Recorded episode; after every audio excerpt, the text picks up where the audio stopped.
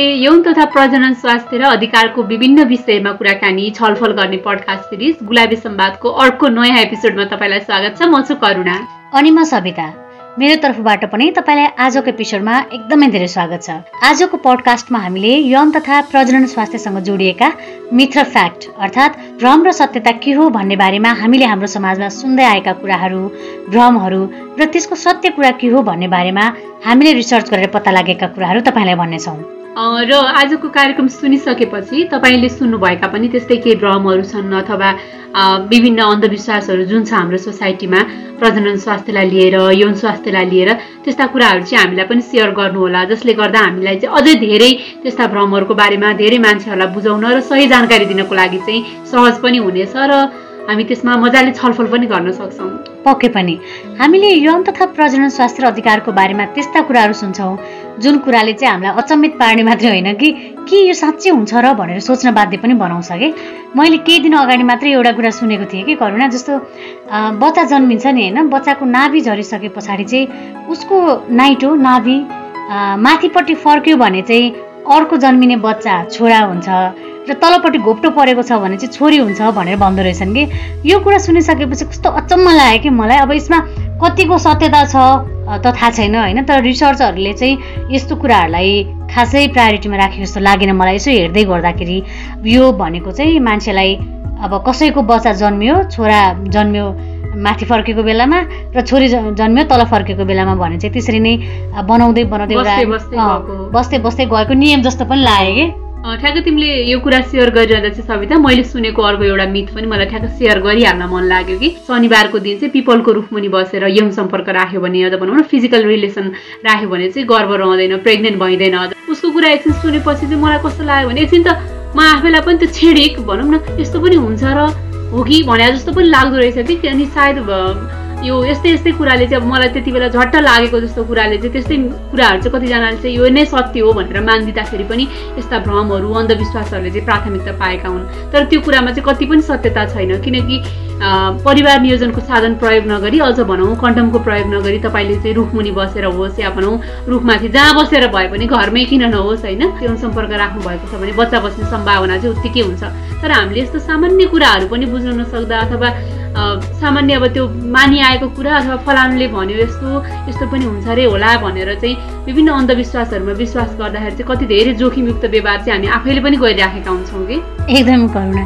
तर हेर न हामी आज आएर पनि भन्नाले अब यस्तो इन्टरनेटको जमानामा छौँ हामी होइन? यो टाइममा आएर पनि हामी यस्तो कुरा विश्वास गरिरहेका छौँ कि? यो कुरालाई चाहिँ कुनै पनि एङ्गलबाट हेर्दा पनि कतै पनि कति पनि सत्यता चाहिँ छैन कि यसमा। हो नि सविता तर सत्यता नहुँदा नहुँदै पनि अघि हामीले भने जस्तै यस्ता कुराहरू चाहिँ कति धेरै हामीले सुन्नमा होइन? कतिपयको त अझ व्यवहारमै देखिएका पनि छन्। अर्को एउटा यस्तै मिथ चाहिँ मलाई सेयर गर्न मन लाग्यो कि व्यक्तिको उमेर र प्रजनन क्षमताको बिचमा चाहिँ कुनै सम्बन्ध छैन। आफू स्वस्थ भएर बच्चाको योजना बनाउँदा चाहिँ जुनसुकै उमेरमा पनि बच्चा जन्माउन सकिन्छ भन्ने कुरा पनि छ कि? यसमा पनि कुनै सत्यता छैन। होला। कुनै अपवादहरू जसले अब धेरै उमेर भएपछि पनि बच्चा जन्मायो होला होइन? तर सत्य के हो भने मानिसको प्रजनन क्षमता। अझ भनौँ महिलाको प्रजनन क्षमता चाहिँ बिस वर्षदेखि सत्ताइस वर्षको उमेरमा एकदमै धेरै एक्टिभ हुन्छ अथवा उर्वर हुन्छ। पैँतिस वर्ष नागेपछि महिलाको प्रजनन क्षमतामा बिस्तारै ह्रास आउन थाल्छ। जसले गर्दाखेरि विभिन्न किसिमको समस्याहरू चाहिँ हुनसक्छ गर्भधारण गर्नमा। र यो कुरा चाहिँ हामीले मात्रै भनेको होइन होइन? यो चाहिँ हामीले योभन्दा अगाडि बनाएका एपिसोडहरूमा महिला रोग विशेषज्ञहरूले पनि सेयर गरिसक्नु भएको कुरा हो। र विभिन्न अनुसन्धानहरूले पनि यो कुरालाई चाहिँ प्रश्न पारिसकेको छ। त्यसैले म स्वस्थ छु मेरो पार्टनर स्वस्थ छ त्यही भएर हामीलाई मन लागेको समयमा अझ भनौँ न पैँतिसपछि अथवा भनौँ चालिस वर्षपछि पनि बच्चा जन्माउन सक्छु भनेर बस्नु चाहिँ अलिक ठिक हुँदैन। बरु बेलैमा चाहिँ हामीले स्वास्थ्य कर्मीसँग भनौँ स्त्री रोग विशेषज्ञसँग चाहिँ सल्लाह लिने आफ्नो स्वास्थ्य कस्तो छ प्रजनन क्षमता प्रजनन शक्ति चाहिँ आफूमा राम्रो छ कि छैन भनेर हामीले बुझ्न चासो राख्न चाहिँ एकदमै आवश्यक छ। त्यही त करुणा। अब प्रजनन सम्बन्धी प्रजनन स्वास्थ्य सम्बन्धी अर्को भ्रमको कुरा गर्ने हो भने हामीले महिला र पुरुष दुवैमा हुने बाँझोपनको बारेमा कार्यक्रममा छलफल गरिसक्यौँ होइन? डक्टरसँग पनि कुरा गरिसक्यौँ। तर बाँझोपनलाई लिएर चाहिँ मानिसमा एउटा नमिठो भ्रम रहेछ कि?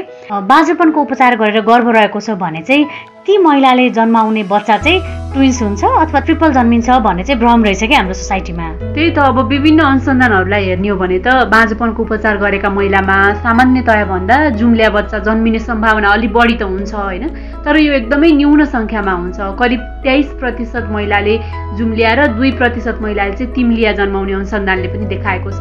तर अब बाँझोपनको उपचार गरेका सबै महिलाले नै जन्माउन सक्छन् भन्ने कुरा चाहिँ पुरै सत्य होइन। तर मान्छे चाहिँ चाहिँ एक फेर बाँझोपनको उपचार गर्यो अब त ट्विन्स बच्चा हुन्छ होला अथवा चाहिँ ट्रिपल बच्चा तिम्लिया बच्चा हुन्छ होला भनेर पनि कति धेरै कुराहरू गरेको सुनिन्छ कि? अँ त्यस्तै आइभिएफबाट बच्चा जन्माउने व्यक्ति पैँतिस वर्षभन्दा कम उमेरको छ भने करिब एक तिहाई अर्थात् तिनजनामा एकजनाले चाहिँ जुम्लिया बच्चा जन्माउन सक्छन् भने बयालिस वर्षभन्दा बढी उमेरको भयो भने चाहिँ दस प्रतिशतभन्दा कम सम्भावना चाहिँ हुन्छ। त्यसैले बाँझोपनको उपचार गरेर अथवा आइभिएफ गरेर बच्चा जन्माउँदाखेरि शत प्रतिशत ट्विन्स या ट्रिपल बच्चा जन्मिन्छ भन्ने कुरामा चाहिँ कुनै पनि सत्यता छैन। र अर्को एउटा भ्रम चाहिँ कस्तो छ भने सविता हुन त त्यति धेरै नसुनिएको हुनसक्छ तर पनि यो खालको मान्यता चाहिँ मान्छेमा के छ भने एक खालको मान्यता चाहिँ मान्छेमा के छ भने भ्रूण हस्तान्तरणपछि चाहिँ एकदमै धेरै आराम गर्नुपर्छ भन्ने भ्रम छ कि तर भ्रूण हस्तान्तरण गरेपछि आरामको जरुरत खासै पर्दैन। दैनिक क्रियाकलाप चाहिँ मजाले गर्न सकिन्छ। त्यस्तै अर्को भ्रमको कुरा हामीले पहिला एउटा एपिसोडमा पनि कुरा गरेको थियौँ होइन? आमाले जे खायो त्यही चाहिँ आमाको दुध खाने बच्चामा दुधबाट जान्छ। त्यसैले चाहिँ आमाले अमिरो पिरो खानु हुँदैन बच्चालाई असर गर्छ भन्ने छ कि? त्यही त भने सविता। अब यो कुरा सुन्दा कस्तो अचम्म लाग्छ कि? जस्तै आमाले टमाटर खाएर बच्चाले टमाटरको बच्चाले चाहिँ टमाटर आची गर्यो भनेको पनि कति धेरै सुनिन्छ कि। अब तिमी आफै भन न सविता आमाको दुधबाट चाहिँ बच्चालाई त्यो टमाटर गएको भए त आमाको निप्पलबाट त्यो टमाटरको गेडा निस्केर बच्चाको मुखसम्म पुग्दासम्मको जुन प्रक्रिया छ त्यति बेला आमालाई कति गाह्रो हुन्छ होला।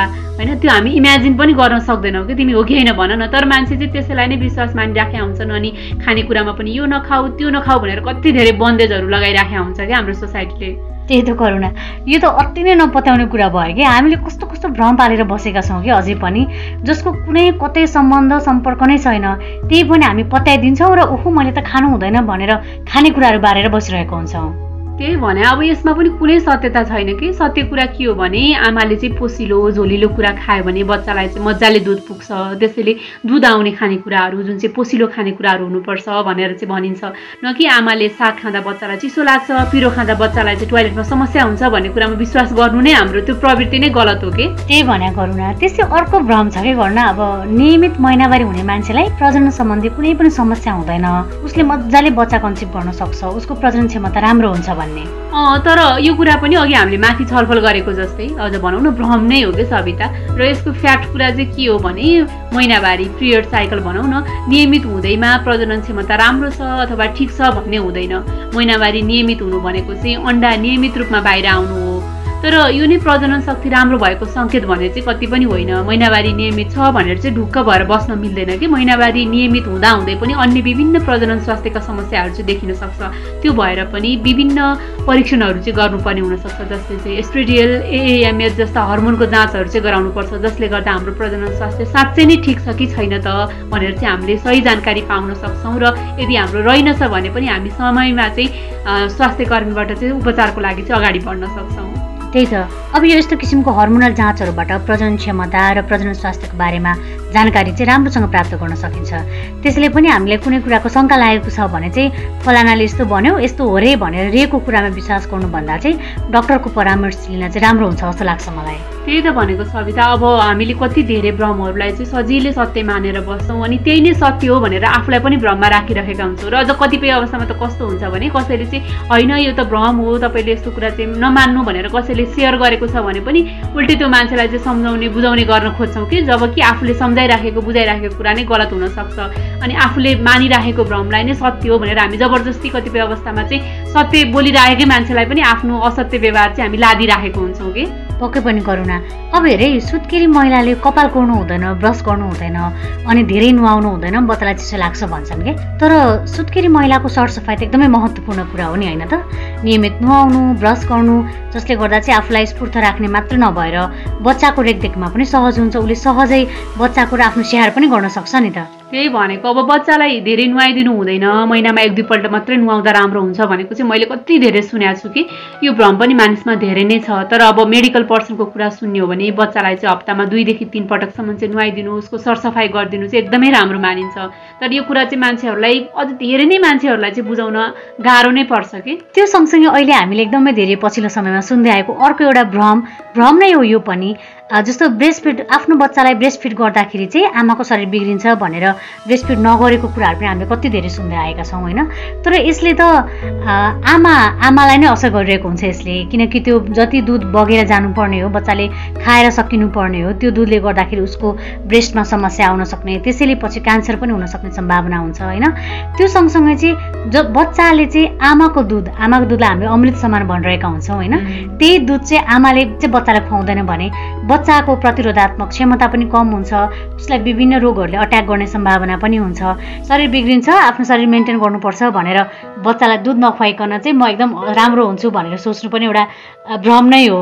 त्यही त भने सविता अब यस्तो कुराहरू हामीले गर्दै जाने हो भने कति धेरै भ्रमहरू भेटिन्छन् कि जसको चाहिँ कुनै साइन्टिफिक रिजन या भनौँ लजिक नै हुँदैन तर पनि हामीले चाहिँ मान्दै आएका छौँ। त्यही भएर चाहिँ मलाई के लाग्छ भने यस्ता कुराहरूलाई चाहिँ मानिहाल्नुभन्दा पहिले चाहिँ यो सत्य हो कि होइन? मलाई यो कुरा चाहिँ सुनाइराखेको अथवा कसैले चाहिँ यस्तो गर भनेर भनिराखेको मान्छेले चाहिँ कतिको मैले विश्वास गर्न सक्ने मान्छे हो भनेर चाहिँ सोच विचार गर्न अथवा अहिले त हामीलाई सजिलो पनि के छ भने आफूले नियमित जचाइराखेको डक्टरहरूसँग चाहिँ हामीले चाहिँ मैले चाहिँ यस्तो सुनेको छु यो चाहिँ सही हो कि गलत हो भनेर पनि हामी सहजै सोध्न खोज्न सक्छौँ र कतिपय अवस्थामा त अहिले अब हामीसँग इन्टरनेटको पनि माध्यम छ। इन्टरनेटमा पनि हामीले चाहिँ राम्रो रिसर्च पेपरहरू पढेर पनि अथवा इन्टरनेटबाट पनि जानकारी लिएर पनि सही गलत के हो भनेर छुट्याउन सक्छौँ नि। एकदमै करुणा।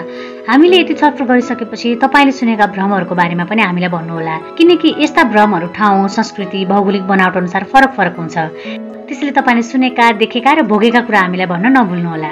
एकदमै र कुनै कुनै भ्रमहरू चाहिँ एकदमै रोचक हुन्छन् र कुनै कुनै त सत्यहरू नै पनि एकदमै धेरै रोचक हुन्छन्। त्यही रोचक कुराहरूको चाहिँ सत्य के हो भन्ने बारेमा चाहिँ आगामी दिनहरूमा हामी पडकास्टमा छलफल गर्दै गरौँला भन्दै आजको छलफल तपाईँलाई कस्तो लाग्यो आफूलाई लागेको कुरा अथवा आफूलाई भन्न मन लागेको कुरा केही छन् भने हामीलाई भन्न चाहिँ नबिर्सिनु होला। तपाईँले सेयर गर्नुभएको एउटा अनुभवले पनि हाम्रो कार्यक्रम निर्माणमा भनौँ न हाम्रो पडकास्ट बनाउनलाई चाहिँ ऊर्जा त मिल्छ नै सँगसँगै चाहिँ कति धेरै अन्धविश्वास भ्रमहरू पाल्नु भएको मान्छेहरूलाई चाहिँ यो त होइन रहेछ अथवा यो चाहिँ गलत रहेछ यो चाहिँ सही रहेछ भनेर चाहिँ सही जानकारी पाउनको लागि पनि सहयोग पुग्छ।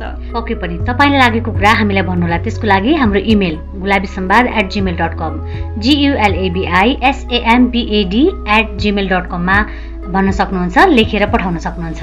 त्यस्तै हाम्रो पडकास्ट गुलाबी सम्वाद यो हप्तादेखि बागलुङको रेडियो रेडियो परिवर्तनबाट हरेक शनिबार सुन्न सक्नुहुन्छ। हाम्रो कार्यक्रम प्रसारण गरिदिनु भएकोमा रेडियो परिवर्तन परिवारलाई धेरै धेरै धन्यवाद। र यो सँगसँगै चाहिँ अब तपाईँले देशभरिका चौवालिसवटा रेडियो स्टेसनबाट पडकास्ट सिरिज गुलाबी सम्वाद सुन्न सक्नुहुनेछ। त्यो बाहेक हाम्रो अनलाइन प्लेटफर्म एङ्कर डट एफएममा गुलाबी सम्वाद टिनटक सर्च गर्नुभयो भने र हाम्रो पात्रो एपमा गएर गुलाबी सम्वाद सर्च गरेर पनि हाम्रो पडकास्ट सुन्न सक्नुहुनेछ। त्यस्तै हाम्रो आफ्नै गुलाबी सम्वाद नामको वेबसाइट पनि छ। त्यहाँबाट पनि तपाईँले कार्यक्रम सुन्न किशोर किशोर लेख्नुभएका उहाँहरूका अनुभव तथा भोगाइहरू पढ्न सक्नुहुन्छ। साथै हाम्रो बारेमा अझै धेरै जान्न मन लागेको छ। गुलाबी सम्वादले उठाउने विषयवस्तुहरूको बारेमा बुझ्न मन लागेको छ भने हामीले हाम्रा सोसियल मिडियामा गुलाबी सम्वाद सर्च गरेर खोज्न सक्नुहुन्छ। पके पनि। र यो सँगै आजको लागि भने हामीले बिदा माग्नुपर्ने बेला भइसकेको छ। आजको पडकास्ट सुनिसकेपछि तपाईँको मनमा लागेको कुराहरू हामीलाई सेयर गर्नुहोला भन्दै यौन तथा प्रजनन स्वास्थ्य र अधिकारको बारेमा छलफल गर्ने पडकास्ट सिरिज गुलाबी सम्वादको एकानब्बे भागबाट सविता र करुणा बिदा माग्छौँ। नमस्ते। अर्को श्रृङ्खलामा पुनः भेट्नेछौँ।